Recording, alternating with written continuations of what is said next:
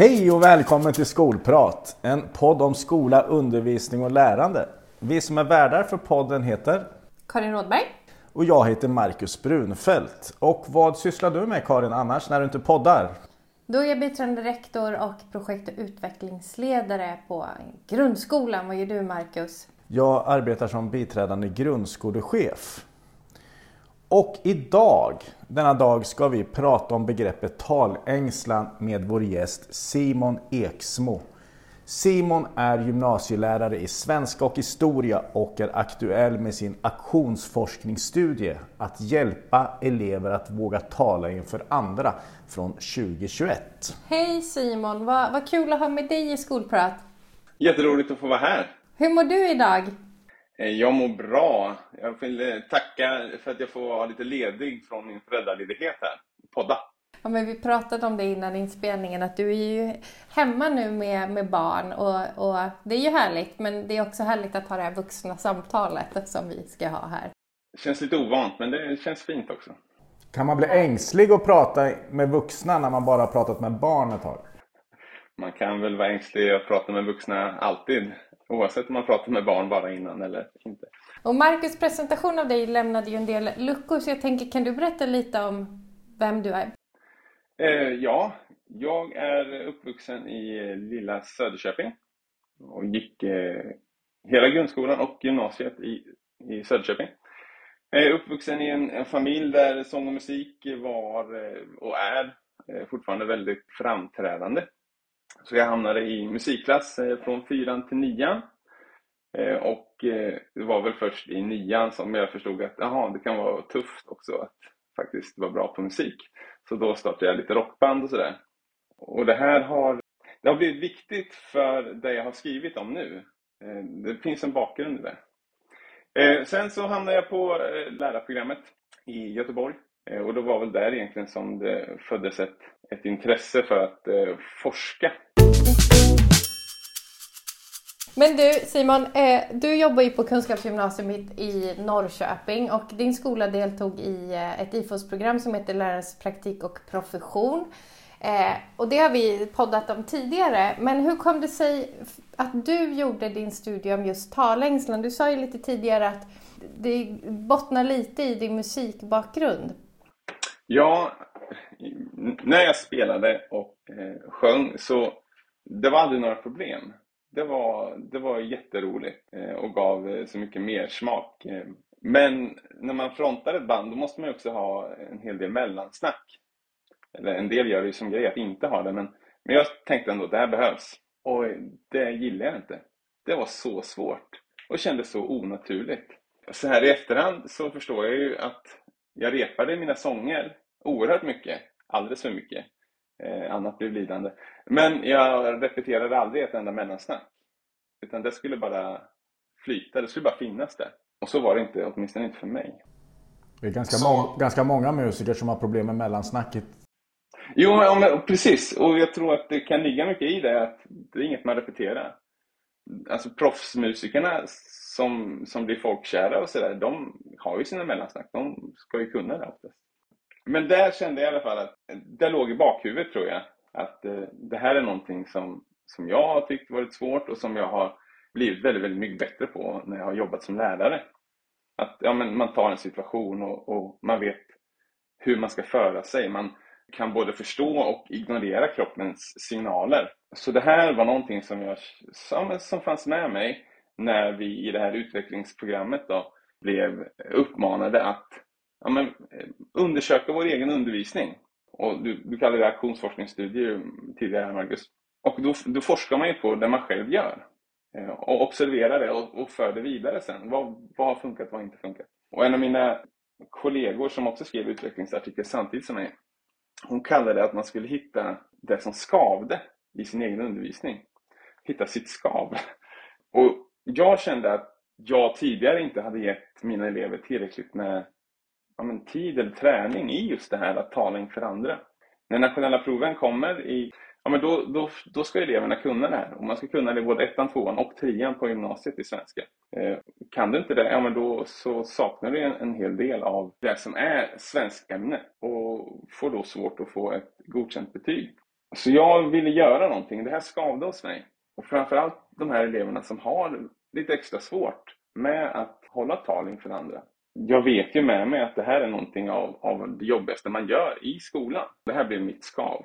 Och här vill jag undersöka en aktion som förhoppningsvis då skulle kunna göra den här biten lättare för några elever. Det är jätteintressant. Jag, tänk, jag bara kastas tillbaka till gymnasietiden nu när man hade retorik. Alltså så här, jag har en podd och jag jobbar ju mycket med att föreläsa så då tänker ju folk så här, här det här är en person som är motsatsen till talängslan men det, det är ju inte sant. Jag har ju varit superjobbigt med det här, speciellt på gymnasiet, men jag kommer ihåg den här kursen i retorik att det var skådespel som vi gjorde. Smart. Och det var så här, vi fick komma ut på scenen och vara rockstjärna och ha olika attityder och det hjälpte mig jättemycket från att vara den här jätteröda tomaten mm. till att faktiskt bli bättre så. Men jag kanske inte hade det som är talängslan ändå, för att alla kan ju vara lite rädda för att tala inför grupp. Men vad innebär egentligen talängslan och hur, hur utbrett är talängslan? Talängslan som sådant är ganska utbrett. Ehm, det kan ju vara en del av det som kallas för social fobi till exempel. Social fobi är ju den vanligaste fobin i, i Sverige och i stora delar av västvärlden. Men vad begre är begreppet alltså, är det använt tidigare? Eller, för jag har inte hört det faktiskt in, innan du gjorde din studie. Just, just det begreppet, det är ett väldigt träffsäkert ord. Mm. Ja, men det, det är ett begrepp som används, eh, är det. Eh, och, och som poddas om bland annat också. Ja, men I de här eh, situationerna när man upplever, jag tror att det står orimligt stor nervositet, så kallar man det för talängslan i sådana här situationer. Och vad det där orimliga består i, det är lite kanske upp till var och en. Det är möjligt att det finns någon, någon beskrivning hos någon psykolog någonstans, liksom att det här är exakt eh, det som är talängslan. Men jag har tänkt eh, i min studie att det, det som är utöver den här vanliga nervositeten som alla känner. Alltså att, att rodna, att, att eh, ha fjällar i magen, att staka sig. Det, här, det är normalt. Det, det, är sånt som vi alla går igenom. Även för det är också jättejobbigt eh, såklart. Och det jobbigaste som många upplever på gymnasiet och under sin skolgång. Absolut. Så det, jag tror att alla egentligen har stor nytta av det här som jag har gjort, den här liksom träningen. Men för just de här eleverna som upplever den orimliga stora ångesten när man ska hålla tal. Det är kanske är därför också som det har blivit så, så, så alltså, intressant. Alltså det, det, berör så många på ett eller annat sätt oavsett var på skalan man befinner sig. Så, här, så att det, det är väl liksom, att, jag tror att väldigt, väldigt många känner igen sig på ett eller annat sätt i det här. Ja, men du har nog helt rätt i det. Jag har fått flera eh, förfrågningar från lärarkollegor de, eh, i Sverige där, där man har liksom inte velat ha reda på vad jag har gjort för sina elevers skull utan för sin egen skull. Alltså hur kan, hur kan jag själv eh, få bukt med min talängslan som lärare? Eh, jag har inte i, i den här studien krävt någon diagnos från eleverna som har medverkat. Du behöver inte ha stämpeln talängslan och det är väldigt få som, som har det eller som, som eh, får stämpeln social fobi utan då, då, det ska ju utredas. Men det är fortfarande många av oss som kan, som du säger Marcus, uppleva det här. Jag, jag läste någon eh, en självhjälpsbok från eh, Linköpings universitet för studenter just när det gäller att tala inför andra. Och, där uppgav siffran någonstans mellan 20 till 30 procent av studenter som upplever det, det här liksom, talängslan, eh, orimligt stor nervositet. Jag måste faktiskt erkänna att för egen del, innan jag skulle bli lärare en gång i tiden, så var det faktiskt en av de sakerna som jag undrade över. Som så här, det kändes inte bekvämt i alla fall att prata inför folk. Men någonstans i den där processen, hur det nu var, om det var inre eller yttre faktorer, så var det som så här, ska den rädslan få styra mig i mina val i livet? Någonstans där, hur, det är. Så, att det är ändå liksom, det, det, är en stor grej för många som nog gör att många liksom backar på vissa saker som man egentligen vill göra. Tänker. Ja, men det är helt sant. Och det är ju det där jag tror och tänker att om man låter sina elever backa så tidigt som i högstadiet eller gymnasiet och inte ger dem verktyg att, att klara av det här ja, men jag tror att man gör dem en otjänst. Det tror jag verkligen. På skolan där jag jobbar så har vi elever som har talängslan eller ängslan att tala på målspråket om man läser ett modernt språk till exempel. Och det blir ju väldigt svårt. Och det kan ju vara från årskurs 6, årskurs 7. Och det där vet jag själv, för jag är språklärare och jag har ju undervisat väldigt mycket i, i spanska just att, att man får kämpa med det. Så det här är ju någonting som är, är applicerbart i många ämnen. Men menar, menar du att vi går vilse ibland Simon kring det att vi anpassar bort för mycket eller att vi liksom skyddar vid barnen snarare än att ge dem verktyg? Är det där som, som du var inne lite grann på? Ja, men kanske på ett sätt ja. Att eh, jag vet ju själv när jag var ny eh, lärare och mina elever i högstadiet inte ville hålla tal. Och jag ville inte tvinga dem heller. Och det fanns inget mandat för mig att tvinga dem heller. Och jag är glad att jag inte gjorde det. För eh, det är ju inte det bästa man kan göra. Utan man behöver ju ge möjligheter att pröva i, i lagom stora och svåra doser. Ja. För vi, vi när vi har läst på lite så har vi förstått att du har använt av någon form av praktisk metod också för att successivt och hjälpa eleverna att lära sig att hantera sin talängslan. Eh, skulle du kunna berätta lite om hur den här metoden fungerar? Absolut. Jag har ju egentligen utgått från det som vi lärare, eller det som jag har sett mina kollegor göra och det som jag har gjort tidigare själv också. Och så har jag vävt ihop det med egentligen traditionell KBT-träning och också kopplat det till, eh, till Vygotskis tanke om den, den närmaste utvecklingszonen och att få hjälp med byggnadsställningar kring det man inte kan. Men jag började någonstans med att ja, men först bjöd jag in elever, de som kände den här orimligt stora nervositeten inför nationella provtalen och då börjar vi egentligen med kroppens reaktioner. Att bli, ja, inte bekväm kanske, men att, att förstå att det här är de reaktionerna jag har när jag står inför en, en publik. Och att det är normalt, att det inte är några konstigheter och att kanske framförallt ingenting händer bara för att jag känner så här. Och det här är något som jag har testat flera gånger, att, att låta eleverna börja i grupp. Att träningen sker i grupp. Eh, den inledande träningen eh, med att hålla tal. Att men nu ska vi göra en grej som individuellt superpinsamt. Att gå upp och göra någonting för, för en klass, eh, något spontant, något som ska vara lite roligt, det är ju inte många som gör det. Eh, jag vet inte själv hur bekväm jag skulle vara att bara bli uppkallad av rektorn att göra något eh, spexigt här nu på arbetsplatsträffen. nu när jag säger det så jag får lite svettningar till och med. jag ser det framför mig. Hur, hur, som, jag, som jag känner din rektor och några av dina kollegor också så ser jag det framför mig hur spexigt det skulle bli också. Eh, nej, men att, att, gå upp i grupp däremot och att få ett uppdrag eh, att genomföra. Och mitt uppdrag till mina elever de här eh, första eh, trevande försöken var att det var faktiskt taget från Bäst i test, det här tv-programmet. Och då skulle deltagarna göra något synkroniserat. Och det, det mest synkroniserade laget vann. Och de hade jättelång tid, jag tror de hade en halvtimme på sig att göra liksom, något synkroniserat med en låda. Mina elever fick en minut på sig, eh, fyra och fyra. Gå ut eh, från rummet, Hitta på en synkroniserad rörelse. Alltså, kom in, visa upp den här rörelsen. Och i den här gruppen, eh, när jag jobbade med, med den här eh, aktionen, ja, men då var de inledande eh, försöken att hälsa. Alla gjorde liksom en, en vink med handen.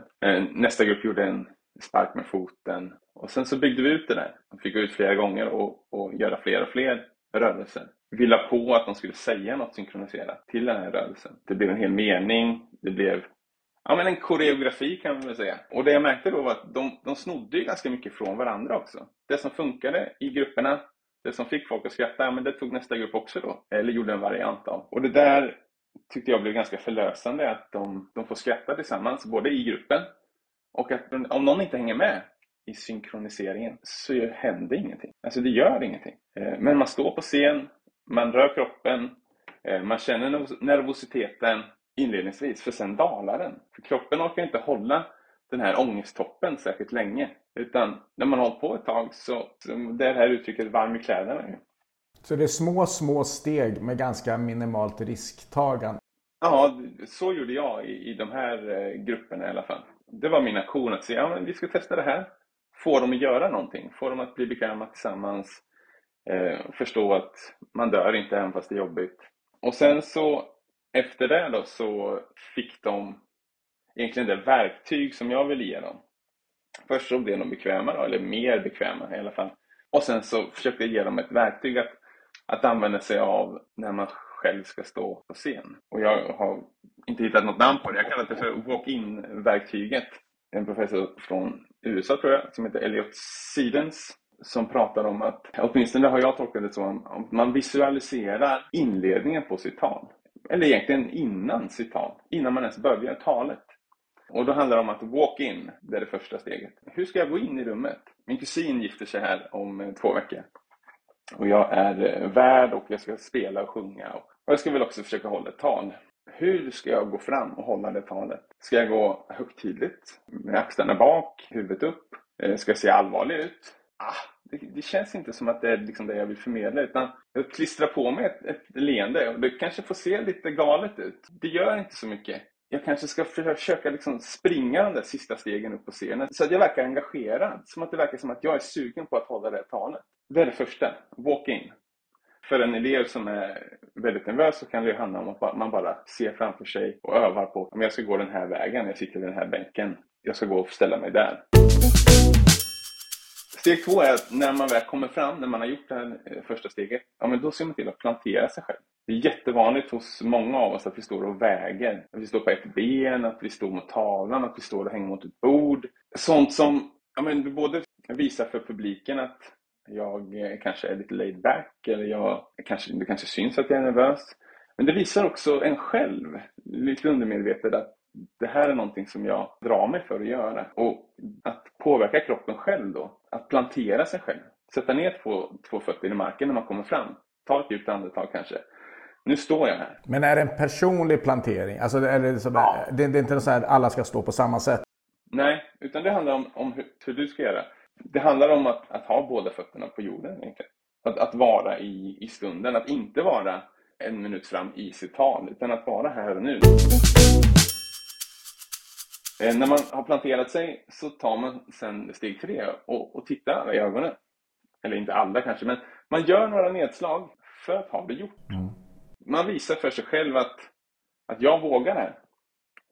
Och då är redan hälften vunnet. Man har sett folk i ögonen och då kan man ju med fördel välja folk som man är väldigt bekväm med. Man kan ha gjort upp det innan.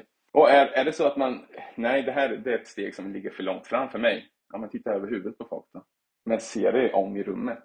Också för att visa för dig själv att jag är här och jag är värd att lyssna på. Det där knepet har jag använt mig av så många gånger, eller den där strategin. Ja. Eh, nu tillhör jag ju nästan den gruppen själv, rektorer, men för länge sedan när jag var ny i min roll och föreläste mm. för rektorer, det är en skrämmande grupp. Otroligt ja, skrämmande. Och då hade jag några där i den rektorsgruppen som jag alltid tog kontakt med de nickade och bekräftade ja, mig och det var precis. så otroligt fint och då kunde man tuffa vidare. Man vet vilka de är ofta i en grupp. Ja, man märker dem snabbt och det där det är en sån otroligt bra strategi för att liksom I'm on it, nu rullar vi vidare. Jag hör något annat att man ska föreställa sig de andra nakna för att avdramatisera. Det är också en sån här grej för att inte ta ett all, alltså komma ner. Liksom. Det är, ju, det är ju samma grej egentligen, som att det bygger på att man ska avdramatisera det. Jag har läst att det inte um, alltid funkar, så kan man säga. Men det är absolut, whatever floats your boat. Och för att hitta vad, vad som faktiskt funkar för dig så räcker det kanske inte att göra det en gång i halvåret eller i, om året. Utan om du verkligen ska hitta vad som funkar och, och bli bekväm i det, då behöver du nog göra det flera gånger och träna på det. Eh, men för att avsluta det här, liksom, eh, komma till det fjärde steget. Eh, det är att börja, alltså begin. Och då har man någonting som man är stensäker på. Det kan vara ett skämt eller en, ett citat. Alltså öppningen, det är den man har övat på. Det är jättebra om man övar på resten av talet också. Men att, att öppningen ska sitta, då är det liksom nedförsbacke därifrån oftast. Det är de där första orden. Ångestkurvan som höjs när man går fram och sätter vi igång innan vi har planterat oss, innan vi har sett folk i ögonen. Ja, men då är vi mitt uppe i det där. I hyperventileringen Ja, i, i ångesttoppen. Men är det psykologiskt värdefullt just det här? För att oftast handlar väl också rädslan om rädslan för att göra fel eller göra bort sig. Att man istället koncentrerar sig på att försöka, liksom, några enkla steg, eller enkla och enkla men ändå konkreta steg som jag kan följa. Det här med jordningen och titta ja. folk i Alltså är det det som är själva grejen? Att koncentrera dig på att göra det du ska istället för att vara rädd för att göra fel? Jag tycker det var jättebra uttryckt. För det är ju det den här sociala fobin oftast bygger på. Rädslan för att göra fel, att, inte få vara med. Och då gör man heller ingenting alls. Vad, vad kom du fram till? Det är en väldigt liksom, intressant metod. Jag förmodar också att det kräver ett förhållningssätt som bygger in, du, du som pedagog skapar trygghet i sammanhanget också, inte bara genomför metod. Ja, men precis. Resultat i det här, kunde du se några skillnader? Det, här, det, var, det som jag gjorde nu var ju en liten studie. Eh, och jag gjorde ju det i, i egenskap av deltagare i det här programmet. Och där pratade vi om eh, beprövad erfarenhet just, som är ett av benen som skolan ska bygga på. Eh, vetenskaplig grund och beprövad erfarenhet. Och det här med beprövad erfarenhet ska jag väl erkänna att jag hade inte järnkoll på vad det innebar innan jag gick det här programmet. Jag tänkte att ja, men det är vår samlade alltså, lärargärning egentligen. Eh, och på ett sätt kan man ju se det som det, men, men Skolverket verkar ändå mena att beprövad erfarenhet är när vi själva observerar, eller när vi har observerat vår undervisning och nu har jag fört det vidare, det som gick bra och det som gick dåligt. Och det var här jag kände att ja, men, här har jag chansen att, att föra någonting vidare. Och jag visste inte hur väl det här skulle sluta eller om det ens skulle bli något resultat alls. Och som sagt, det är en, en liten studie. Men det här var elever som, som upplevde sig själva och ändå sagt till mig att jag är jättenervös för det här. Och jag mår dåligt eh, inför att hålla de här talen. Eh, elever som har varit väldigt drivna egentligen i, i sin skolgång och som vill nå höga betygsmål. Alla de här eleverna som, som var med i, i studien lyckades sen i sina nationella provtal väldigt väl, skulle man väl säga. Eh, och vi var två lärare som bedömde det. Men det som kanske var mest eh, spännande, det var de samtalen jag hade med eleverna efteråt. För jag satt ju då och hade facit på hur det hade gått. Och jag visste ju att det här har gått bra. Alltså jättebra. Och sen frågade man eleven, ja men hur gick det här då? Ja, det gick skit. Och då, då har jag papper på att det, nej, det, det gick inte alls, det gick jättebra. Men upplevelsen, känslan i kroppen, betyder så mycket för vad vi tror om en situation. Det där är så intressant alltså. Ja, jag, det var verkligen något jag fick ta med mig i, efter det här och har fått prata med mina elever i, i de nya klasserna som jag haft sen det här att man kan inte lita på sin känsla alltid. Men, men är, är talängslan, för det handlar inte bara om själva talet utan det handlar ju om, som man inom teatervärlden och inom musikervärlden pratar om rampfeber och liknande. Är det att likställas med det mer än att själva talet inte ska hålla? Absolut, en, en del av det kan vara rampfeber. Eh, och en del av det kan ju vara det som jag pratade om innan, att självkänslan kan få sig en törn någonstans. Är jag värd att lyssna på? Så jag har inte riktigt liksom haft tid att bena i det så mycket som jag hade velat. Utan det är ju som du säger, ja, en del är nervositet för att stå inför andra just. En del är nervositet för att, att inte bli lyssnad på. Att, att det jag har att säga inte är värt att lyssna på. Så det, det finns ett, ett spektra här som tåls att gräva mer i. Det kommer nog forskas vidare på det också tänker jag. Kan man bli befriad från det här helt eller kommer det liksom någonstans att ligga latent? Även, även om man har lärt sig själva strategierna, hur man ska tillämpa dem så det funkar eller? Ja, eh, jag kan åtminstone säga det jag tänker om det och det jag har läst om det och min egen upplevelse och det kan säkert ni stämma in också. Som lärare, som du sa Marcus, i, i början av sin lärargärning eller kanske innan man har sökt ens eh, till lärarprogrammet ja, men, då kanske man känner att jag är, jag är nervös när jag ska stå inför andra. Att, att, eh, att ha elever i undervisning det är både det, det värsta och det bästa med, med lärarjobbet. Och det kan finnas en rädsla för att säga fel och så vidare. Hur länge har du jobbat som lärare, Marcus? Eh, jag var lärare i runt eh, åtta år var jag väl lärare i alla fall. Innan jag gick över så blev rektor. Så att 20 år i skolan i alla fall. Och efter, efter åtta år, var du lika nervös när du skulle gå in och ta en elevgrupp? Nej, precis. Det var ju det som jag inte var. Och, och, då är, och då är min tanke då att om det är en fobi, ja, men då, då måste du ju få, få, få hjälp och eh, verktyg att hantera din fobi innan man kan liksom se en gradvis förbättring.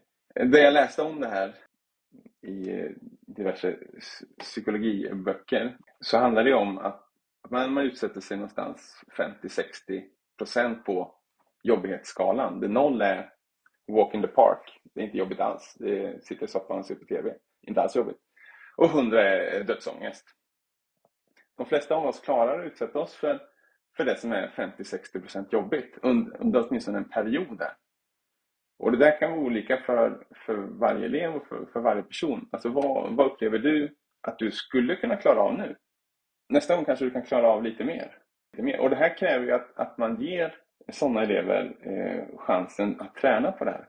Och nu med, med de möjligheter som finns eh, med att spela in sig själv till exempel så kan man verkligen ge eleverna möjlighet att ta små, små steg. Men kan inte spela in det här åt mig? Ja, så får man en, en inspelning för det. Eh, och jag tycker själv att det är bland det värsta som, som finns att se sig själv inspelad. Eh, jag har dragit mig jättemycket för det som lärare. Men det är få saker som, som utvecklar det så mycket som att se ja, men vad är det jag gör. Det finns ju en, kan jag avslöja att en av oss som poddar här, vi lyssnar aldrig på avsnitten efteråt. Ja, jag, jag, jag förstår den, eh, det där helt och hållet. Och det är en vanlig sak, det är inte njutningsfullt. Eh, det är det ju inte. Så här, och det är det ju inte. det, och, men liksom sen på något sätt så blir det så här, men Karin, du är inte så otroligt viktig. Gå ut ur din egen bubbla och ut i den riktiga världen. Och det har hjälpt mig mycket så här. Det handlar inte, det handlar inte om dig. Det handlar om självdistans. Ja. Och det kanske är lättare för vuxna att ändå komma till den insikten. Om jag ser tillbaka på min egen gymnasietid och de saker jag valde och valde Verkligen. bort eh, för att eh, upprätthålla en viss image så krävs det en hel del eh, självinsikt för, att- för att eh, komma dit. Men jag tror ändå att om man är villig att arbeta på det och att utsätta sig för gradvis exponering kan man väl kalla det, så finns det goda möjligheter att bli fri åtminstone från talängslan. Att bli fri från nervositet när man ska tala inför andra? Nej, det tror jag inte. Jag sitter ju och är nervös nu. Ja, man Jag- behöver vara lite nervös, lite på spänn liksom för att det ska bli... Man ska vara vaken och alert också. Ja men precis. Det tar ju ofta fram också det bästa i oss. Att, att man får ett adrenalinpåslag när man ska göra någonting. Det gör oss kanske, om man har tur, lite roligare. Kanske lite mer relaterbara. Lite mer skärpta också för stunden. Så det, är väl lite, precis. det ska kännas lite. Men, men däremot att, att, att, som, att det begränsar den och lå, att det blir låsningar blir som snarare ett, ett hinder såklart. Men det låter ju som det här forskningsfältet som du har varit inne i, det tangerar både psykologi, beteendevetenskap men också pedagogik och didaktik. I och med att det är många elever och människor som har talängslan eller som upplever sig ha det, vad, vad kan man förvänta sig av lärare att kunna om detta och vad bör lärare vara uppmärksamma på för att kunna utforma en, en undervisning som, som gynnar och hjälper även den här gruppen elever? Ja, det är en jättebra fråga. När jag har skrivit det här och när jag har tänkt på det här och, och så vidare så eh, jag ser ju mina kollegor som, som proffs på det de gör och, och det, det är de ju såklart. Men vi har ju inte psykologexamen. Så att arbeta med eh, någon som har alltså en djup problematik kring, kring talängslan eller social fobi, det är inte vi specialister på. Men vi är specialister på elever. Och vi är specialister på att göra vårt bästa för att, för att ge eleverna de verktyg och, och ramar som behövs för att nå så långt som, som man kan. Sen så finns det eh, saker som kallas schema och, och sånt där som sätter käppar i hjulet för oss ibland. Men jag tror att om, om, man, om man har en elev som ja, antingen att man själv upplever att ja, men, jag ser att du tycker att det är svårt, eller att eleven själv säger det. Försök att hitta de stödramar som, som kan funka för den eleven just nu, där den är. Att inte försöka skämta bort det. För, för, för den enskilde eleven för den enskilde individen så är det här kanske det största i livet just nu. Att nu ska jag hålla ett tal för mina klasskamrater. Jag dör hellre. Alltså, att, att talängslan, det är ju, eller social fobi åtminstone, hamnar ju före på eh, fobilistan. Alltså det kommer ju före rädslan för döden till exempel. Jag tänker vi är alla, vi är lärare i botten och även föräldrar och vi har kanske, alltså, kanske både har sett och, och kanske skrivit individuella utvecklingsplaner för elever som, som upplevs som lite mer tysta. Det kan man ju se som ett problem eller som en utmaning. Att man pratar om att eh, kanske du behöver ta lite större plats i klassrummet. Du har också viktiga saker att säga. Alltså det har jag säkert sagt någon gång eller gjort någon gång.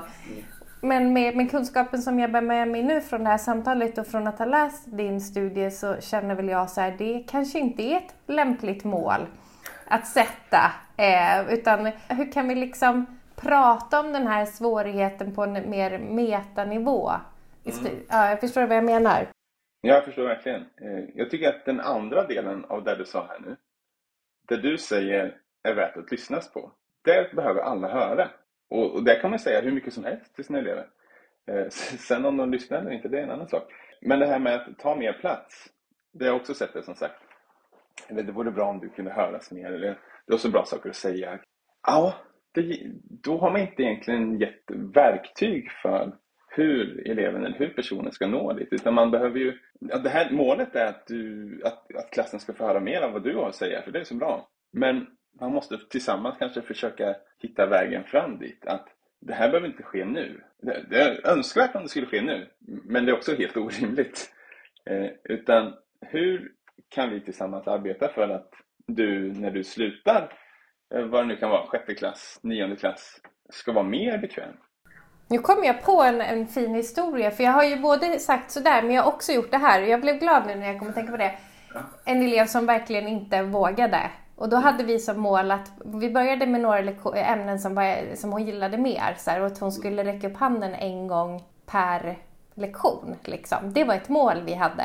Mm. Och sen så när hon hade vågat göra det så kunde vi liksom, ja men nu kanske du kan börja göra det i engelskan också. Det var ett sätt, det kommer jag på nu. Hon fixade, hon, hon vågade mer. Men hon hade ja, nog inte fobi. Hon exponerade sig för det läskiga och hon dog inte och så fortsatte hon. Liksom. Jag tänker också att det kan vara en, alltså, för, för jag, jag, skulle vilja säga att den här typen av mål som faktiskt sätts upp, som tar större plats, vi vill så här, jag, jag är övertygad om att det är väldigt, väldigt vanligt att man sätter upp fast utan verktyg. Så det, så det ligger ju där och skvalpar för en elev, kanske från lågstadiet upp till gymnasiet i stort sett, kring, kring att ta lite större plats. Ja, men hur, hur då? Och, ja, precis. Och, och, det kan ju lika gärna slå om till att jag tar inte tillräckligt mycket plats. Jag tar inte plats. Jag, jag syns inte. Jag hörs inte. Att det där blir det man får med sig istället. En självuppfyllande profetia på något sätt, liksom att man intalar sig. Jag tror att det där med, med att ge verktyg, ja, men det, det, som du pratar om nu Karin, det är också ett slags verktyg. Att, ja, men räck upp handen. Du, alltså, på ett sätt, du kanske inte ens har något att säga, men räck upp handen. Alltså, det kan också vara eh, i förlängningen ett verktyg. För det kan vara tillräckligt jobbigt att bara räcka upp handen. Om, alltså, om det är på den nivån till och med, då kan man ju bestämma med sina lärare att ja, men jag räcker upp handen när andra räcker upp handen, men välj aldrig mig. Det blir en, det blir en början. Jag säger inte att man ska göra så, men bara för att hitta ett verktyg någonstans för den eleven just där. Nu tänkte jag räcka upp handen lite här och eh, försöka komma till någon form av avslut på den här trevliga podden. Och, Eh, vi, vi, brukar ha som tradition att våra, våra gäster försöker skicka med tre tips till våra lyssnare eh, utifrån det ämne vi har pratat om. Och i det här fallet så skulle vi liksom gärna vilja att du Simon skickar med lyssnarna dina bästa råd. Och det kan ju vara till eh, lärare, elever eller föräldrar. Hur man antingen identifierar eller kommer, kommer till rätta med just det här med talängslan. Ha, har du något sånt i, i bagaget? Jag tänker att jag i så fall eh, försöker upprepa det jag redan har sagt. För det första till elever då. Eh, och som jag tror att det är viktigt för oss lärare att, att föra vidare och som jag vet att många gör normalisera nervositeten. Alltså det är helt normalt att, att, att till och med uppleva att, att, jorden går under när du ska fram och hålla tal. Alltså det, det, är inget, det är inget konstigt. Det är någonting som vi kan jobba med och som man med erfarenhet känner mindre av. Men att nervositet är normalt och inget som helst konstigt. För det andra så vill jag, åtminstone som lärare, hitta fler sätt att att träna med de här eleverna. Att ge dem fler möjligheter att öva, träna utan att bedöma. Utan att det hamnar i, i betyget. Utan att vi ska bli bättre på det här. Och vi, vi blir bättre tillsammans. Jag blir bättre på att leda dig, hjälpa dig, få mer erfarenhet. Och du kan visa lite i taget. Och sen så småningom så sätter vi ihop det till en helhet. Och för det tredje, det här som jag avslutade med i min eh, artikel, att man kan inte alltid lita på kroppens känsla. Du kan ha gjort en fantastisk insats och, och vara fantastisk om vi ska prata självkänsla i det här också. Även om det inte känns så för stunden. Det tror jag kan vara viktigt att ta med sig. Alltså Simon, väldigt stort tack. Jag tänker att mycket av det vi har pratat om idag är ju saker som, som jag kommer ta till mig. Eh, walk-in-verktyget, att plantera sig själv. Titta i ögonen hade jag ju redan eh, och sådär. Men, men jag tänker att det här är ju superviktiga verktyg för oss alla. Oavsett om vi är ungdomar eller 40-plussare. Så superintressant. Och vi ska också säga att vi kommer lägga en länk i avsnittet till din eh, artikel som du har skrivit också om det. Den är väl värd att läsa.